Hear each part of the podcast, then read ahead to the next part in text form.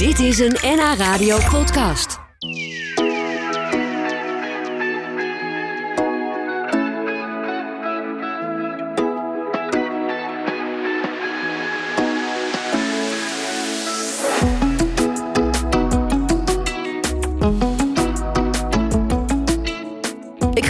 Met audicien Guido Makker uit Laren en KNO-arts Jeff Duindam uit Blaricum. Zij vertrokken eind maart naar een zeer afgelegen gebied in Nepal om daar mensen met gehoorproblemen te helpen. En nu zijn ze terug en we zijn natuurlijk heel benieuwd hoe ze het hebben gehad en wat ze daar allemaal hebben meegemaakt. Welkom allebei. Dankjewel. Dankjewel. Fijn dat jullie ook weer even hier in de studio zijn. Zijn jullie alweer een beetje geland en terug in het regenachtige Nederland? Ja, het is nu drie weken geleden. En eh, het was wel weer even aanpassen. Uh, maar eh, ik ben nu wel weer, uh, weer redelijk geland. Maar het was wel even weer een nieuwe mindset. Als je uit een gebied komt waar, waar niks uh, voorhanden is, dan ben je wel weer even blij in Nederland met uh, je warme douche, je toilet, oh ja. je koelkast en dat soort dingen. Dus, ja, ja, wat was het fijnste van thuiskomen? Ja, toch wel inderdaad wat Jeff zegt. Gewoon een, een warme douche. Heerlijk. Ja, en, en, een lekker bed. Ja, ik, ik mis mijn bed altijd als ik op na vakantie op reis ben. Ja, jullie waren niet echt op vakantie, want jullie hebben heel veel gedaan.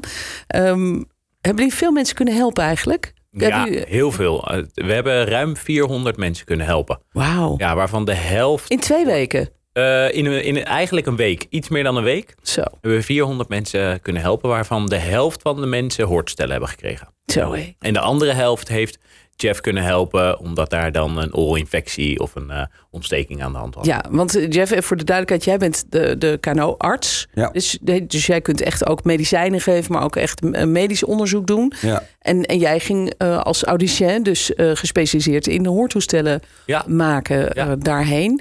kun je nog even vertellen hoe dat eigenlijk ontstond, dit plan voor deze reis?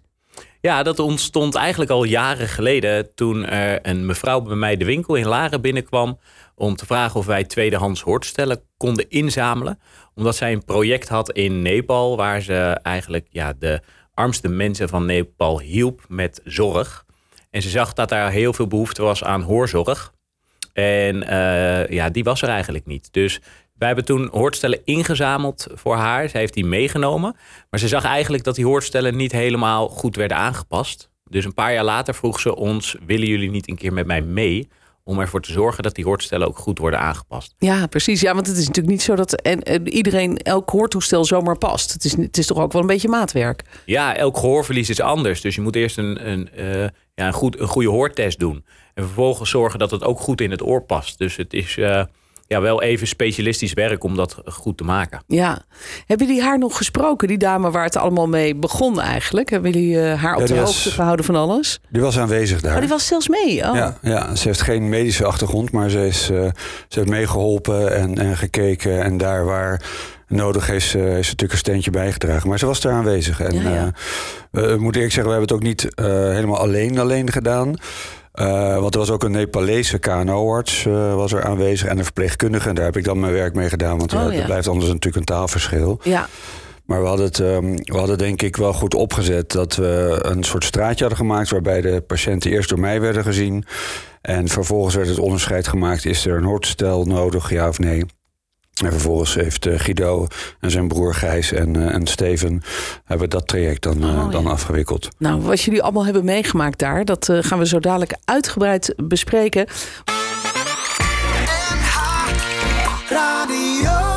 Fijn dat jullie hier weer heel huids zijn. Want ik kan me voorstellen dat jullie wel het een en ander hebben meegemaakt daar. Wat is dat precies voor gebied waar jullie heen gingen? Um, dat is een gebied tussen eigenlijk aan de rand van India. Dus het is het, uh, het uh, zuidoosten um, eigenlijk van, van Nepal. En het is een gebied waar een national park is. Waar nog steeds de olifanten rondlopen, de neushoorns en met name de tijgers. Oh. En dat gebied... Uh, Hebben jullie die ook gezien? Nee, geen, wel neushoorns, olifanten, apen. Wauw. Geen tijgers, maar wel gehoord. Uh, we waren bijna gegrepen door een tijger. Echt? Maar dat daar gelaten. Ja, ja, ja, ja, dat is echt wel een probleem daar, want die zijn beschermd.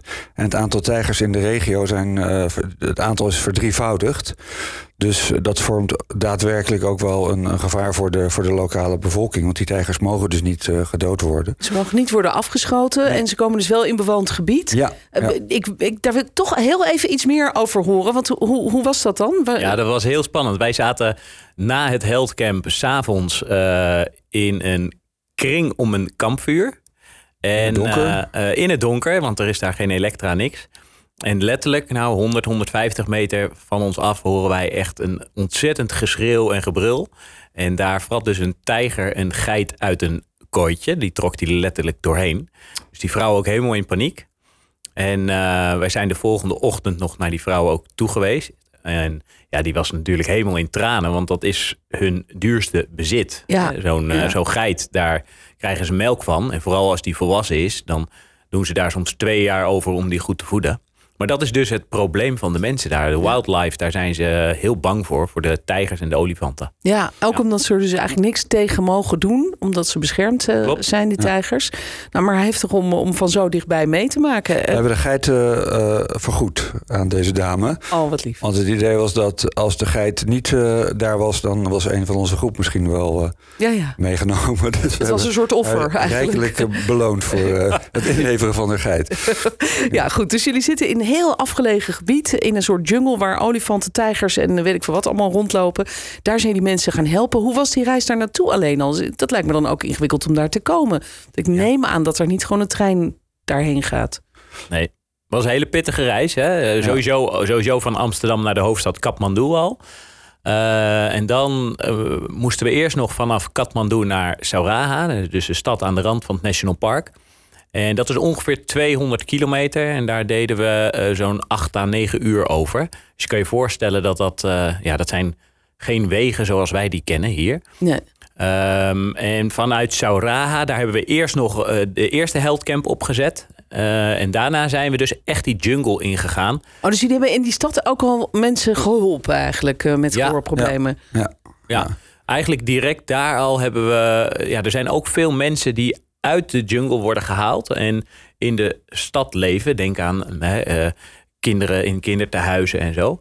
En ook die mensen hebben natuurlijk hoorzorg nodig. Ja. Uh, dus daar hebben we eigenlijk direct al tussen de 40 en de 50 mensen, voornamelijk kinderen, behandeld. Hoe was dat? Want jullie komen net koud aan uit Nederland. Dan zit je daar in zo'n heel andere omgeving. Nou, eerlijk gezegd lag het niet helemaal aan de planning in eerste instantie. Maar we kwamen aan en toen was dat uh, georganiseerd. Dus dat was natuurlijk prima, want we konden meteen onze apparatuur instellen en, en uh, kijken hoe alles een beetje werkte en tolkvertaling uh, doen.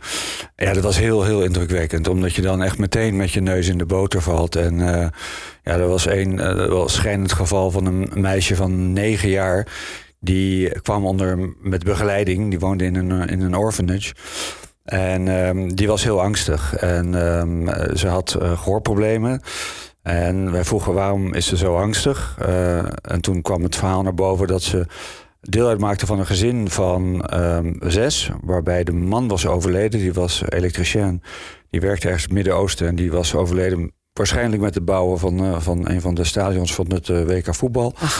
En toen was moeder over met alleen nog maar vijf kinderen. En die moesten doen met 15 euro in de maand. En dan is de oplossing daar dat de kinderen, uh, dat er gewoon een aantal kinderen weg moeten. En zij moest weg en de zusje ook. Ach. Omdat zij dus een gehoorverlies had en heeft ze minder kans om uh, nog goed terecht te komen. Dus zij is met haar zusje de, het bos ingestuurd zonder iets. En zij heeft overleefd op uh, insecten en bladeren. De zusje heeft niet gered, zij is gevonden en zij heeft dus. Ze zat in een orphanage en ze heeft dus van ons uh, antibiotica gekregen voor de oren. En we hebben die oorzorg uh, verzorgd. Maar je krijgt en, toch helemaal de rillingen ja, als je dit is hoort. Hele, heel bizar. En, ja, dat en ze zit in een weeshuis. Hadden jullie niet allebei de neiging van... goh, zullen we haar dan toch maar niet gewoon proberen te adopteren... om haar te redden uit deze situatie? Ja, we wilden allemaal meenemen. Ja. ja iedereen bij ons thuis ook ja. trouwens. En, uh, maar ja, dat, dat, dat gaat toch wel heel moeilijk schijnt. Ja. Die adoptieprocedures, ik heb nog wel eens nagekeken. Ja. Dat gaat ontzettend uh, lastig daar. Jeetje. En de vraag is ook, ja, Ja. kan je niet beter zorgen dat, dat die mensen daar zelf gewoon goed geholpen worden? Ja, en dat zijn jullie ook eigenlijk gaan doen natuurlijk. hè. Jullie zijn speciaal daarvoor eh, daar naartoe gegaan met allemaal apparatuur mee, maar ook met heel veel gehoorapparaten. Ehm, jullie zijn vanuit die stad zijn jullie nog verder eigenlijk die jungle ingegaan naar die grens met India. Ehm, hoe, hoe was het toen jullie daar aankwamen? Nou, dat was, dat was een, een heel warm onthaal. En je, je, in, de, in de verloop van de vijf uur dat je van die Saraha dus naar dat dorpje rijdt, dan zie je dat het steeds primitiever en primitiever wordt. Op een gegeven moment is er ook geen elektriciteit meer. De, de, de, de huizen worden hutjes. En uiteindelijk eh, kwamen we dan op onze locatie terecht waar geen elektriciteit is, eh, nauwelijks water, maar eh, het hele dorp was uitgelopen om ons te verwelkomen. Dus dat was echt geweldig. Je krijgt meteen een rode stip op je hoofd en je moet knuffelen met de dorpshoofd. En, Want die rode stip betekent. ja, dat is bescherming en, en, Bescherming. En, en, en dank. En, Oh. Met name be- bescherming, het heeft een religieuze input. Ehm, dus dat was geweldig, het was een Ja. geweldig onthaal. Bijzonder. Maar eh, was het. Jullie hadden natuurlijk je goed voorbereid en er veel over gehoord en gelezen. Was het evengoed toch nog primitiever en, en ehm, ja, dan jullie hadden gedacht eigenlijk van tevoren? Ja, je kan, je kan het je van tevoren haast niet voorstellen dat dit überhaupt bestaat. Dat er nog mensen leven in hutjes van riet, eh, zonder stromend water, zonder elektra. Gewoon echt heel primitief. Ja. Dus daar kan je bijna niet op voorbereiden. Maar ehm, ja, eh, toen we daar aankwamen, wat Jeff zei, wel een ontzettend mooi onthaal. En ja, toen zijn we ook meteen aan de bak gegaan, want er stonden 150 mensen klaar. Niet alleen uit het dorpje waar wij waren, maar uit de omliggende dorpen, zo'n 27, 28 dorpen. Eh, en mensen die dus soms ook al dagen hadden gelopen om die hoorzorg te krijgen. Dus dat was ontzettend bijzonder en mooi om te doen. En indrukwekkend ook om mee te maken. Ja, Jeetje. ja, ja. We moesten echt, echt eh, hard doorwerken. Want sommige mensen moesten gewoon voor donker weer naar huis lopen. Anders heb je weer het gevaar van de tijger en de olifant. En Ja, ja, dat zijn natuurlijk gevaren die we ons eh, helemaal niet kunnen voorstellen. Nee, sowieso. Het, de manier waarop zij daar leven is voor ons natuurlijk niet voor te stellen. Zonder stroom, zonder water zelfs. eh, te midden van de tijgers en de olifanten. Ja, dat, het lijkt me heel indrukwekkend om het allemaal mee te maken. Hoe, hoe was dat voor jullie zelf eigenlijk? Waar, sliepen jullie zelf ook in zo'n rieten hutje? Natuurlijk ook zonder stroom en water. Maar hè, hoe, hoe was dat? Ja. ja, we sliepen dus in een van de huisjes van de dorpen... die ze speciaal voor ons leeg hadden gemaakt. En wij sliepen daar met z'n vieren. eh, ja, het huis is eigenlijk één kamertje. Maar je, we, we sliepen letterlijk op de grond, eigenlijk op een dekentje. Dus we hadden ook geen matras. Dat was echt wel, wel even wennen. Ja. Ehm, onder, wel onder een klamboe, want je hebt daar natuurlijk toch ook wel last van muggen... die ook weer allerlei ziektes mee kunnen brengen. Eh, maar dat was wel inderdaad echt het meeste, het meeste wennen. Die slechte nachten. En dan de volgende dag toch best wel weer vroeg aan de bak. En geen wc, daar denk ik dan weer aan. En geen douche. En geen douche ook, ja. Nee, nee. Dus, dus je bent gewoon twee weken volledig zonder water. Ehm, Althans, nou, eh, je kan niet je handen wassen. En, en Er zijn waterpompen. Eh, We hebben er ook eh, één laten slaan. En dat, dat was ook het idee hè, om een combinatie te maken van, van audiologische zorg en het slaan van waterpompen. Dus we hebben een waterpomp laten slaan en dan zie je ook meteen het verschil. Dat er gewoon water voorradig is. Maar het komt natuurlijk wel uit een pomp, maar daar kan je natuurlijk wel redelijk mee wassen. Ja, daar ja. kan je wel iets mee doen. dat kan in elk geval wel. Ja. Ja, ja. Ehm, eh, ongelooflijk heftig om eh, mee te maken. Heel veel mensen zijn van heinde en verre daar naartoe gekomen om door jullie geholpen te worden. Is er een verhaal dat jullie vooral heel erg is bijgebleven? Ja, ja. Sowieso wat we net al vertelden over dat jonge meisje die bij die haar, haar vader was verloren. Maar we hebben ook een, een, een jonge vrouw geholpen. Ze is 21 jaar. Zo zag ze er overigens niet uit. hè. Ze leek wel een jaar of 13, 14. Ja. Maar dat was echt zo'n geval waarvan we zeiden tegen elkaar: Nou, als nou alleen dit meisje al was gekomen, dan was onze reis al geslaagd. Want zij is slechthorend geboren. En na haar zwangerschap heeft ze daar nog een extra slechthorendheid overheen gekregen, gehoorverlies.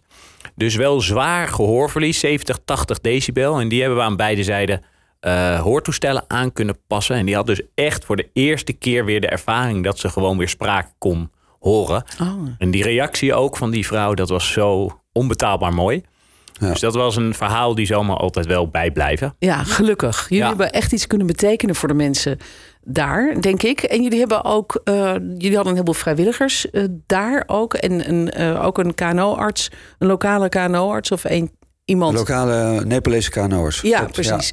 Daar werkte ik mee samen. En ja, dus- Guido, Gijs en Steven, die hebben het allemaal zelf gedaan. Ja, maar jullie hebben dus ook mensen kunnen, kunnen trainen eigenlijk om, om de zorg in de toekomst voor te zetten. Dat het niet zo is dat je na twee weken weggaat en, en dat de mensen daar dan zitten van ja, en nu dan? Ehm, ja, eh, wat we gedaan hebben is... Dus ik heb in schijnende gevallen waarbij mensen of kinderen geopereerd moesten worden... heb ik doorverwezen naar de kliniek daar. Eh, zodat ze dus wisten waar ze dan terecht moeten voor eventuele operaties. En dan hoop ik dat vanuit daaruit die zorg wordt, wordt opgenomen of overgenomen. Ja, en dan, kijk, je, je, je probeert zoveel mogelijk constructief te doen. Maar ehm, ik, ik denk dat, dat, er wel, dat het wel noodzakelijk is dat je daar vinger aan de pols blijft houden. Dus, Dus jullie gaan nog wel een keer terug. Ja, zeker. was wel de bedoeling. Ja. Absoluut. Ja. Ja. En jullie hadden heel veel gehoorapparaten ingezameld. Hoeveel waren het er ook alweer? We 500 hoortstellen hadden we ingezameld. Ehm, en daar hebben we ongeveer 200 mensen mee kunnen helpen. Dus we hebben niet eens alle hoortoestellen weggekregen. En dat had ook te maken met dat eh, we hadden wel genoeg hoortoestellen, maar de oorstukjes die vervolgens waar, waarmee het geluid in het oor brengt. ehm, daar waren we op een gegeven moment, nadat we 200 mensen hadden geholpen, doorheen. Eh, en dat kwam ook omdat het eh, heel moeilijk in te schatten is welke mate je van tevoren nodig hebt. Dus mensen vroegen wel eens: had je nou genoeg spullen mee? Ja, we hadden van de ene producten te veel mee, maar de andere producten net weer te weinig. Ah ja, ja dat Eh, zou je nu beter weten als ja, je nog veel een keer beter. gaat. Ja, ja. de, de, de, de kleinere oorstukjes. Mensen hebben daar gewoon een veel kleinere gehoorgang als hier in eh, ja. Europa. ja. Dus de kleinere oorstukjes, daar waren we veel sneller doorheen dan de grotere. Ja. Ja. Nou, jullie hebben ook heel veel spullen achtergelaten, begreep ik. Apparatuur, eh, wat Ja. jullie allemaal hadden meegenomen. Automatische apparatuur. Ik heb mijn apparatuur achtergelaten. Eh, Guido, en Gijs en Steven hadden in een koffer, ik geloof, 10.000 batterijen meegenomen. Ja. Dat dat door de grens eh douane is gekomen is ook een klein wonder. Maar, ja, eh, inderdaad, ja. dus Ja. die zijn allemaal zijn daar ook gebleven, uiteraard. Voor, voor de nazorg van de, de, de ja. Ehm, dus we hebben alles eigenlijk alles achtergelaten. Ook de medicatie. Ja. achtergelaten. ja, dus mensen daar zijn echt voor langere tijd geholpen. En jullie gaan nog een keer terug. Guido, ik kan me herinneren, de vorige keer vertelde jij dat jouw vader ooit ook op deze manier gereisd heeft, maar dan in Afrika volgens mij. Ja. Om mensen te helpen. Heb je veel aan hem moeten denken de- tijdens deze twee weken dat je in Nepal was? Ja, zeker. En ook heel veel verhalen van hem dat ik dacht, oh ja, dat is wel heel herkenbaar.